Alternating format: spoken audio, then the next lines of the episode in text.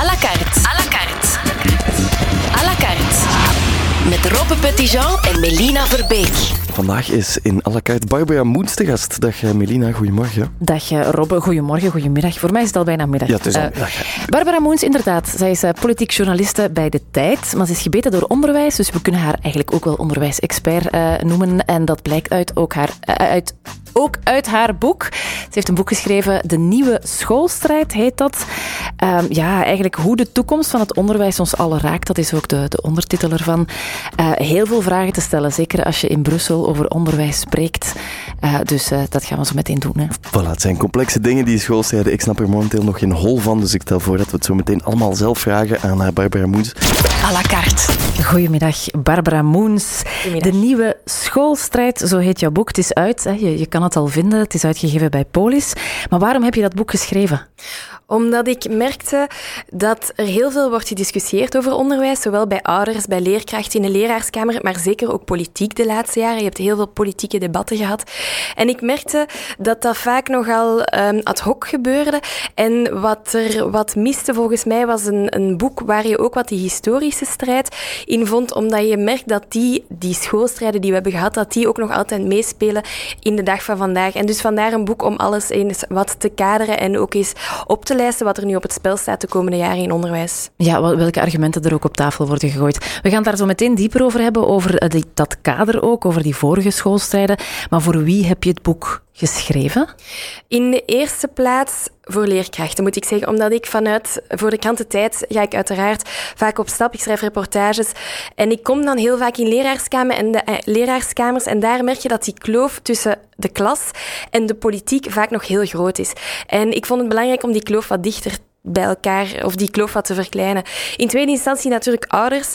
Ehm, ik heb zelf een zoontje en je merkt ehm, op het moment dat je moet gaan nadenken over scholen, op het moment dat je kinderen in een klas zitten, merk je hoe belangrijk dat ons onderwijssysteem is. Dus dat is ehm, voor iedereen die wat meer wil weten over hoe het onderwijs vandaag werkt en waar we voor staan. Ja, maar inderdaad dus vooral voor leerkrachten om dan te begrijpen van oké, waarover wordt er hier allemaal gediscussieerd terwijl ik ondertussen voor de klas sta of les probeer te geven. Het boek is opgedragen aan Oscar. Ja. Is Oscar? Dat is inderdaad de, de, mijn zoontje, eh, die nu nog eh, in de crash zit. Maar dus wij moeten binnenkort ook op zoek naar een, naar een kleuterschool, zoals zoveel jonge ouders. En wat je ook merkt bij ons, je hebt eigenlijk relatief weinig om je op te baseren als je die keuze maakt. Hè.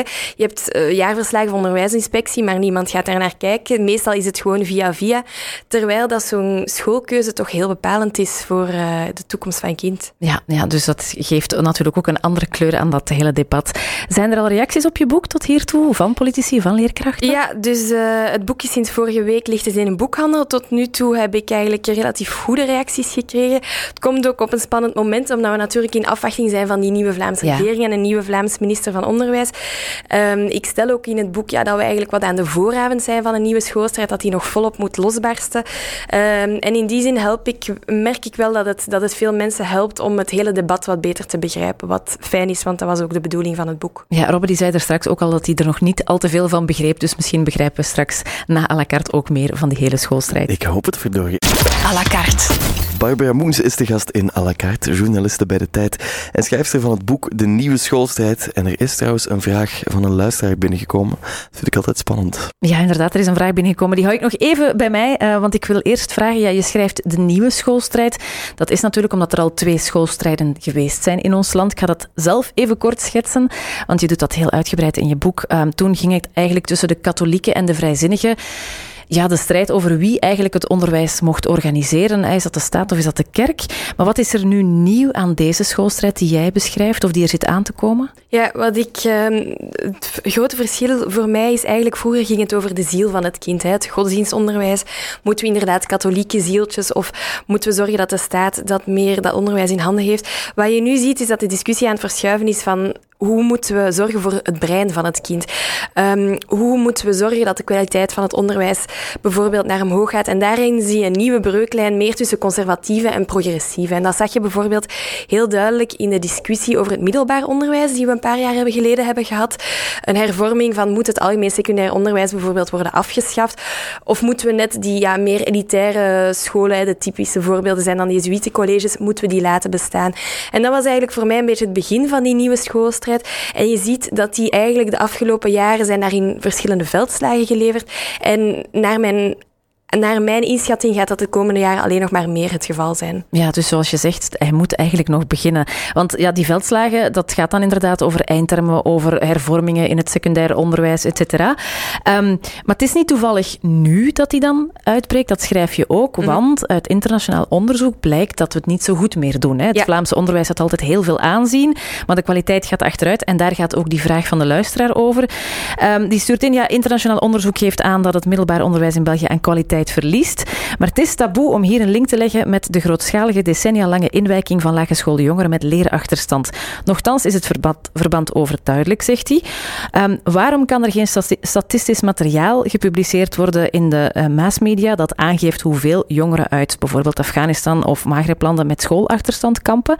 En waarom is dat automatisch aanzien als racistisch als je dat doet? Ja, um, ik denk niet dat het automatisch aanzien wordt als racistisch. Het is ook een, een, duidelijk politiek debat, omdat je ziet, en er zijn ook statistieken over, je ziet dat um, allochtone leerlingen met een migratieachtergrond, zelfs tweede, derde generatie, inderdaad het veel minder goed doen op school. Um, en dat komt voor een deel omdat zij thuis geen Nederlands spreken. Um, dat is een, een, politiek debat nog steeds. Hoe moeten we daarmee omgaan? Bijvoorbeeld de NVA is daar een heel duidelijke pleitbezorger voor. Dat je bijvoorbeeld start met een soort van taalbad. Um, dat je ook in het begin van de lagere school bijvoorbeeld testen afneemt. Oké, wat is de stand van zaken van het Nederlands van die jongeren? Afhankelijk of zij bijvoorbeeld al naar een Nederlandstalige kleuterklas zijn geweest. En dat je daarin die kinderen al heel vroeg begeleidt, al van in de lagere school. Omdat je nu merkt dat het heel vaak het probleem pas echt duidelijk wordt in het middelbaar onderwijs. Het is dan niet te laat, maar het is wel moeilijker om dan nog te remediëren. En dan heeft dat veel sneller ook een gevolg naar studiekeuze. Hè. Gaan worden zij door um, de studiebegeleiders richting technisch beroepsonderwijs gestuurd, waar je ziet dat er veel meer, veel meer allochtone jongeren zitten dan in het algemeen secundair onderwijs. Ja, dat is dat watervalsysteem. Dat is dat watervalsysteem waar de hervorming eh, van het middelbaar onderwijs iets probeert aan te doen. Dus die kloof tussen allochtone en autochtone jongeren in ons onderwijs is heel groot. Men weet dat, men probeert daar iets aan te doen, maar je ziet ook wel dat daar geen wonderoplossingen voor ja, zijn. En het is één van de oorzaken, denk ik dan, hè, waar kwaliteit, uh, uh, hoe, dat, hoe dat het komt dat de kwaliteit gedaald is in het, in het onderwijs. Ja, je, je ziet dat de afgelopen jaren is er heel veel focus gelegd op gelijke kansen. We moeten zorgen dat die kloof tussen um, de, de top en de, de bodem wat meer naar elkaar toe groeit. En een neveneffect daarvan uh, is dat je merkt van oké, misschien moeten we dan gewoon een klein beetje de lat verlagen, zodat er iets meer jongeren toch dat diploma kunnen halen, waardoor dat ze toch bijvoorbeeld hè, naar toekomstkansen arbeidsmarkt uh, meer perspectieven hadden. Dat was uiteraard nooit de bedoeling, maar dat lijkt wel wat te zijn gebeurd. En dus nu zie je dat de slinger weer wat in de andere richting opzet. Van pas op, we moeten echt we wel wat zorgen. Meer excelleren, We moeten echt wel zorgen dat die kwaliteit van ons Vlaams onderwijs dat die echt wel hoog blijft. Als we even naar de klasvloer gaan, hoe beleven leerkrachten of directies of leerlingen die schoolstrijd? Ja, je ziet, dat heb ik ook gemerkt heel vaak als ik, als ik naar scholen ging, dat zij het gevoel hadden van er wordt hier over ons hoofd allerlei debatten gevoerd, terwijl wij met zoveel dagdagelijkse problematieken kampen. En dan gaat het inderdaad over kinderen die thuis geen Nederlands spreken. Even goed over het M-decreet, kinderen met een lichte beperking die dan naar het gewoon onderwijs worden gestuurd. En je merkt dat zij vaak met hun verzuchtingen ook moeilijk weg kunnen. Um, en... want wat zeg je bijvoorbeeld tegen een leerkracht die zegt van ik geef graag les, maar ik heb het gehad, ik geef het op want ik ben de paparazzen moe. Wat vindt hij een antwoord in jouw boek? Um, ik hoop dat die leerkracht wel beter gaat begrijpen waarom um, dat ook vanuit de politieke kant dat er heel veel frustraties zijn. Mensen, politici die zeggen, kijk, wij willen wel, wij weten bijvoorbeeld dat die plan dat een gigantisch probleem is. Wij weten dat het lerarentekort een heel groot probleem is en we proberen daar iets aan te doen, maar dat is niet altijd zo evident. En dat heeft ook te maken met die vrijheid van onderwijs in ons land. Dat heel veel beslissingen um, kunnen niet door de overheid worden genomen, maar moeten genomen door ja, het onderwijsveld zelf. Um, wat ook frustrerend is voor politici die ook ja, telkens die klachten van die leerkrachten en directeurs horen, maar er weinig aan kunnen kunnen doen. Um, en dus in die zin hoop ik dat het boek wel wat een antwoord biedt dat, of dat ze beter gaan begrijpen, waarover, waarom het zo moeilijk is. En wat is zo de, de bezorgdheid die het meest naar boven kwam met, ja, bij alle actoren met wie je bent gaan spreken? Ja, wat je merkt, dus kwaliteit is, is zeker een heel belangrijk. En het politieke debat is daar nu ook volop over bezig. in het kader van de Vlaamse regeringsonderhandelingen. Wat ik merkte na elk gesprek was dat mensen zeiden: het grootste probleem is het lerarentekort. En dat is iets dat nu de afgelopen weken bij de start van het schooljaar opnieuw heel erg naar duidelijk uh, naar voren is gekomen, zeker ook hier in Brussel, dat heel veel directeurs zeiden, ja, we kunnen niet eens meer kiezen voor de beste leerkracht, we, moeten gewoon, we willen gewoon een leerkracht voor de klas. Um, en uiteraard, alles in onderwijs staat of valt met goede leerkrachten. Um, je kunt over allerlei dingen gaan discussiëren, maar het belangrijkste is dat er capabele, enthousiaste mensen met vakkennis en passie voor de klas staan. En dus dat is op dit moment de grootste uitdaging. En het tragische is een beetje dat we dat al jaren zien aankomen. Je ziet onderzoek na onderzoek de afgelopen jaren van, zeker in grote steden, zeker voor vakken als Frans en wiskunde, wordt dat echt een groot probleem. En daar is eigenlijk de afgelopen jaren heel weinig aan gedaan. À la carte. Ja? Nee. We hebben het over jouw boek De Nieuwe Schoolstrijd. Maar ik ga jou nu een paar vragen voor de voeten werpen die uh, kort en krachtig mogen beantwoord worden. Gewoon ja of nee zeggen. Leerkracht is het mooiste beroep ter wereld. Ja. Is geld belangrijk? Ja. Wie bang is, krijgt slaag. Ja. Vertrouwen is goed, controle is beter. Ja. Oh, dat kwam, dat kwam snel.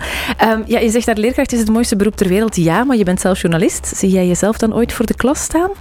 Ik, uh, ja, ik zeg niet nee. Ja.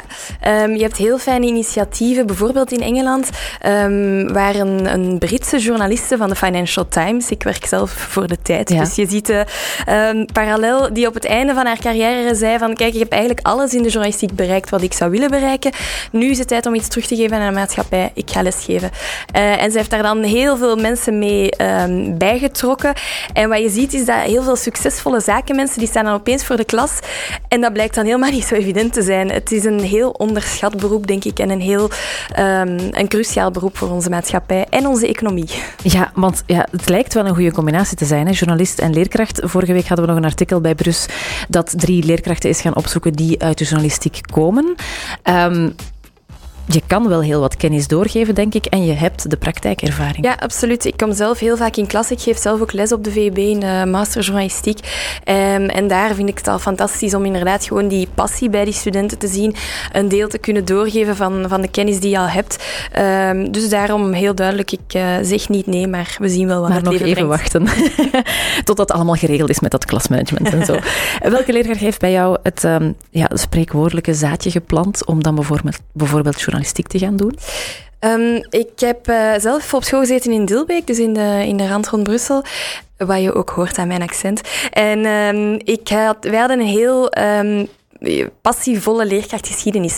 Die de lat heel erg hoog legde. Uh, die ook telkens een leer, goede leerkrachtgeschiedenis doen dat de link legde met de actualiteit. En dat was voor mij eigenlijk um, een van de aanleidingen om uh, voor geschiedenis te kiezen in het, uh, op de universiteit. En dan later zo, ja, de link geschiedenis-journalistiek is ooit ook niet ver weg. Um, en vandaar ook, je vindt dat ook een beetje terug in het boek. Hè. Ik heb de huidige onderwijsdiscussies ja. proberen ja. te kaderen door ook het historische kader wat mee te geven, omdat ik zelf merkte, als ik over politiek of onderwijspolitiek berichten, dat je het gewoon veel beter begrijpt als je die historische context meekrijgt. Ja, dus ook een dikke merci aan jouw leerkrachtgeschiedenis mm -hmm. van toen voor dat uh, boek De Nieuwe Schoolstrijd, want dat is een beetje mede aan die persoon te danken dan. Ik praat met Barbara Moens over haar boek De Nieuwe Schoolstrijd en over ja, alle, het onderwijsdebat eigenlijk. Um, maar we gaan het eens hebben over Brussel, want hier zijn de problemen wel gekend. Natuurlijk, het lerarentekort, spijbelgedrag, burn-out, taalachterstand, noem maar op. Maar welk onderwijsrecept heeft Brussel nodig volgens jou? Moeten we inzetten op excelleren of moeten we iedereen aan boord houden of een mengeling van de twee? Ja, mocht, mocht de wonderoplossing bestaan, dan, uh, dan was ze natuurlijk al uitgevoerd. Dan was je boek niet nodig. Dan was mijn boek niet nodig. Uh, en je merkt inderdaad ja, dat in alle, in alle grote steden uh, in Vlaanderen dat die problematieken wat terugkomen. Um, wat zeker een probleem is in Brussel, is um, het lerarentekort. Hè. We hadden het daarnet al over. Um, en dat hangt ook gewoon samen met de manier waarop dat leerkrachten nu al dan niet benoemd worden in begin ook heel veel werkonzekerheid hebben, waardoor dat je merkt dat eigenlijk de meest jonge en onervaren leerkrachten heel vaak voor de moeilijkste klassen komen, in de moeilijkste scholen. En op het moment dat ze dan ergens anders, vaak dichter bij huis en niet in Brussel, um, wel een job vinden, dat ze ook opnieuw weer weggaan, waardoor je eigenlijk een visieuze cirkel krijgt van, van jonge, onervaren leerkrachten voor... Um, voor moeilijke klassen. Um, ik sprak met een, met een moeder in de Molenbeekse Vierwindenschool. Die zei, ja, mijn dochter heeft op vier jaar tijd elf leerkrachten gehad. Dat is voor de kwaliteit van je onderwijs is dat verschrikkelijk, maar ook gewoon puur naar, ja, in de lagere school is een leerkracht ook een vertrouwenspersoon bij wie dat leerlingen, zeker als ze het bijvoorbeeld thuis wat moeilijker hebben of als ze niet zo'n stabiele thuisomgeving hebben waarbij dat leerlingen beroep moeten kunnen doen op, op die leerkrachten. Ja, dan krijg je bijna het idee, ja, ze willen mij niet, want ze zijn altijd weg, ja, mijn leerkrachten. Voilà. En dus zo zie je een hele, een hele dynamiek ontstaan. Dat meisje had dan bijvoorbeeld op het einde van de lagere school had een achterstand in wiskunde, waarop dat dan werd geadviseerd, ja, misschien moet je toch maar naar een technische beroepsschool en, en zo gaat de bal aan het rollen. Dus ik denk dat het hele lerarenverhaal is in Brussel cruciaal. Um, dan heb je natuurlijk ook gewoon het verhaal van plaatstekort. Um, je merkt dat... Als Van Gats heeft beloofd dat hij scholen gaat bijbouwen. Ja, en dat ritme. is ook al jaren bezig. Hè. Dus de huidige Vlaamse regering heeft daar ook al een, een hele extra inspanning voor gedaan, maar het is nog niet genoeg. En als je de cijfers ziet, dan zal het de komende jaren ook een groot probleem blijven. En als er iets is wat frustrerend is voor ouders, dan is het wel ja, het absurde van, van geen plaats te vinden voor je kind, zelfs niet eens in de school dat je wil, maar zelfs in geen enkele school. Ja, maar ik even terug naar dat lerarentekort, want er wordt bijvoorbeeld ook het voorstel gedaan van oké, okay, we gaan mensen uit de privé hun anciëniteit laten meenemen, mm -hmm. die dan naar het onderwijs uh, kunnen trekken. Dat zou wel heel wat mensen over de streep trekken, want er zijn mensen die dat wel willen, ja. maar die anciëniteit houdt hen tegen. Waarom ja. stoot dat elke keer opnieuw op een jet? Um, dat ligt nu opnieuw op de, op de tafel van de Vlaamse regeringsonderhandelingen. Het verhaal is heel simpel, het kost geld. Um, en ook wat bij de vakbonden gevoelig ligt, als je het doet voor de mensen die nu de overstap zetten van de privé naar het onderwijs, ja, hoe oneerlijk is dat dan tegenover de mensen die dat bijvoorbeeld de laatste tien jaar hebben gedaan? En jullie hadden vorige week in Brus een heel mooi artikel over leerkrachten die, die of uh, mensen uit de privé die die stap hebben gezet, bijvoorbeeld journalisten. Zij doen dat dan zonder die vergoeding. Ja, dat ligt wat gevoelig. Dus in een ideale wereld zou je ook die mensen vergoeden, maar daar is dan weer geen geld voor. Um, dat komt eigenlijk altijd op hetzelfde neer, hè? Geld, hè? Er het zijn geen centen. heel vaak op hetzelfde neer, maar je merkt nu wel, zeker nu dat dat leraartekort zo acuut wordt, dat dat op een gegeven moment kan je bijna niet anders dan... Ja, je gaat moeten beroep doen op al die zijinstromers die heel vaak met heel veel goesting naar dat onderwijs willen stappen. Maar ja, als je dan merkt dat opeens bij sommigen is het echt gewoon een halvering van het loon. Ja, de, je hebt idealisme, maar... Ja, dat heeft ook wel zijn, dat grenzen. Heeft ook zijn grenzen. Ja, er gaan ook stemmen op om een soort van eengemaakt Brussels onderwijs te organiseren. Dus los van dat Vlaamse dan. Aangepast aan de noden in Brussel. Want, zeggen ze, een grootstad, dat vraagt toch andere dingen. Is dat een goede piste? Um, ik denk vooral dat het politiek op dit moment redelijk onhaalbaar is. Als je ziet dat um, de, ja, je hebt daar uiteraard groen licht voor nodig van de Vlaamse regering, waar de N-VA op dit moment de grootste partij is. Uh, zij gaan dat nooit accepteren. Um, Open VLD pleit daar inderdaad voor. Um, aan Franstalige kant gaan er ook stemmen voor op, maar ook daar ligt het gevoelig. Want ja, het Franstalig onderwijs, oké, okay, mag dan wel minder goed scoren. Je merkt ook dat heel veel Franstalige ouders voor het Nederlandstalig onderwijs kiezen. Maar net daarom op dit moment, er wordt wel over gesproken, maar ik zie het de komende tien jaar echt niet. Het is nog een ballonnetje dat wordt opgelaten. Ja. Dat is misschien een naïeve vraag, maar kunnen we het aan de jeugd zelf vragen hoe zij onderwijs zien? Hoe bedoel je? Ja, wat zij willen leren, hoe zij les willen krijgen, wat zij onder onderwijs verstaan. Want dat wordt nu inderdaad door politici en door, ja. door uh, koepels beslist. Ja, je hebt sowieso wel een tendens. In Nederland is dat heel erg het geval geweest dat je meer inderdaad de, de leerling eigenaar maakt van zijn leerproces. Bijvoorbeeld dat hij aan kan geven van ik wil op die manier leren of zelfs ik wil meer dat en dat en dat leren. Dat is eigenlijk um, ook vrijheid van onderwijs. Hè? Nee, dat is in zekere zin ook vrijheid van onderwijs. Doortrekt. Heel veel scholen experimenteren daar ook mee. Um, digitalisering biedt daar ook een kans voor. Maar, en dat is echt een grote maar, je kunt dat wel voor een deel doen, maar je moet echt oppassen. Uiteindelijk geen enkele leerling gaat in het zevende, als hij, hij of zij zeven is, zin hebben om de tafels te leren. En dat zijn wel dingen die je nodig hebt in de maatschappij. Dus je kunt dat wel voor een deel doen, maar je gaat altijd wel een leerkracht of een coach, om het, als je het dan zo wil noemen, nodig hebben om dat leerproces ook in een bepaalde richting te sturen, om toch een aantal basisdingen um, bij te brengen die iedereen ook gewoon nodig heeft om te functioneren in de maatschappij en op de arbeidsmarkt. Dus ja. dat is de maar. Ja, als we de schoolstrijd, uh, ja, die er zit aan te komen, uh, bekijken. Bij de vorige schoolstrijden kwamen de mensen de straat op. Gaat dat hier ook gebeuren? Gebeuren, denk je? Pakweg over twee jaar, Brussel loopt vol, 250.000 betogers. Niet meer voor het klimaat aan, maar voor, voor het onderwijs. Als het, het lerarentekort, als er geen oplossingen komen voor het lerarentekort, dan denk ik wel dat je bij heel veel ouders de frustratie heel hoog gaat zitten. Uh, en ook bij leerlingen trouwens. Um, maar ik zie het nog, op dit moment nog niet zo snel gebeuren. Je merkt dat het op dit moment vooral een heel politiek, maatschappelijk debat is. Uh, eer dat dat protest echt zoals in de jaren 50 overslaat naar de straat, waar er soms 200.000 mensen door de straten in Brussel trokken. Dat moet wel wat geweest zijn. Dat moet echt wel wat geweest zijn. Veel grootouders uh, herinneren zich dat nog. Zover zie ik het op korte termijn niet komen. Ja, dat ze dat dan ook op een woensdag doen. Hè. Dat is maar een halve dag les missen. Dan. ja, voilà, het zal wel zijn. En op vier jaar tijd elf leerkrachten, zo krijg je jammer genoeg geen band tussen leerling en leerkracht.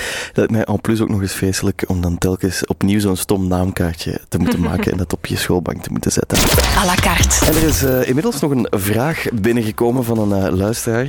Die vraagt dat vaste benoemingen, uh, vindt dat een slecht idee? Want hij, hij, stelt van, kijk, je levert dan geen goed werk en dan komt je positie gewoon keihard op het spel. Ja, wat je inderdaad merkt is dat um, die discussie rond de vaste benoeming, die leeft heel erg in onderwijs, maar die leeft politiek minder. Omdat dat zo gevoelig ligt bij de onderwijsvakbonden, om daaraan te raken dat dat op korte termijn ook niet gaat gebeuren. Wat wel, um, wat wel waarschijnlijk gaat gebeuren, of waarover wordt gesproken, is dat je gewoon een beetje een moderner HR-beleid nodig hebt. Dus dat je niet de hele tijd van je 25ste tot je 65ste in dezelfde klas les geeft, maar dat er bijvoorbeeld ook variaties mogelijk zijn in die loopbaan, dat je bijvoorbeeld op het einde wat meer gaat coachen, dat in het begin wat meer begeleid wordt. En dat je ook bijvoorbeeld naar loon, dat er misschien wel mogelijkheden zijn, bijvoorbeeld naar bonussen toe, dat soort zaken, meer werkzekerheid in het begin. Maar de vaste benoeming aan zich, dat merk je, dat ligt zo gevoelig dat op dit moment niemand daaraan wil raken. Dat is dan voor de vierde schoolstrijd waarschijnlijk. Dat, dat is voor het volgende boek. Want ik vind, ja, op de plank, jij hebt al heel veel werk geleverd, uh, Barbara, dus het is nu aan, aan, aan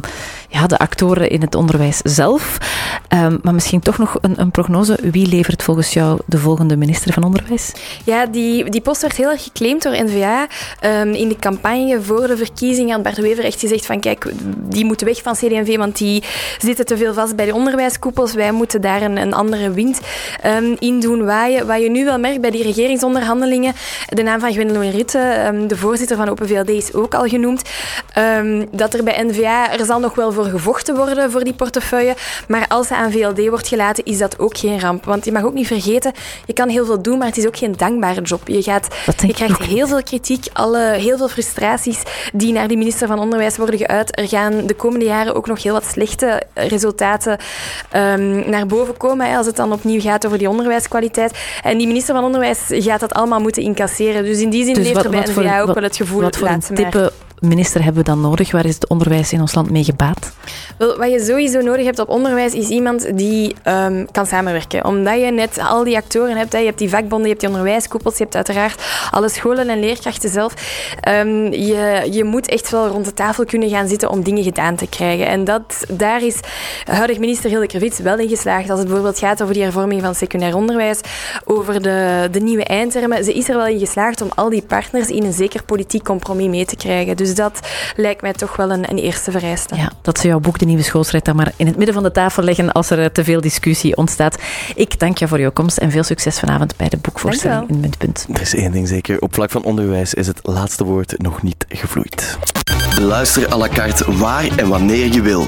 Kijk op brus.be, de Brus-app of waar jij je podcast beluistert.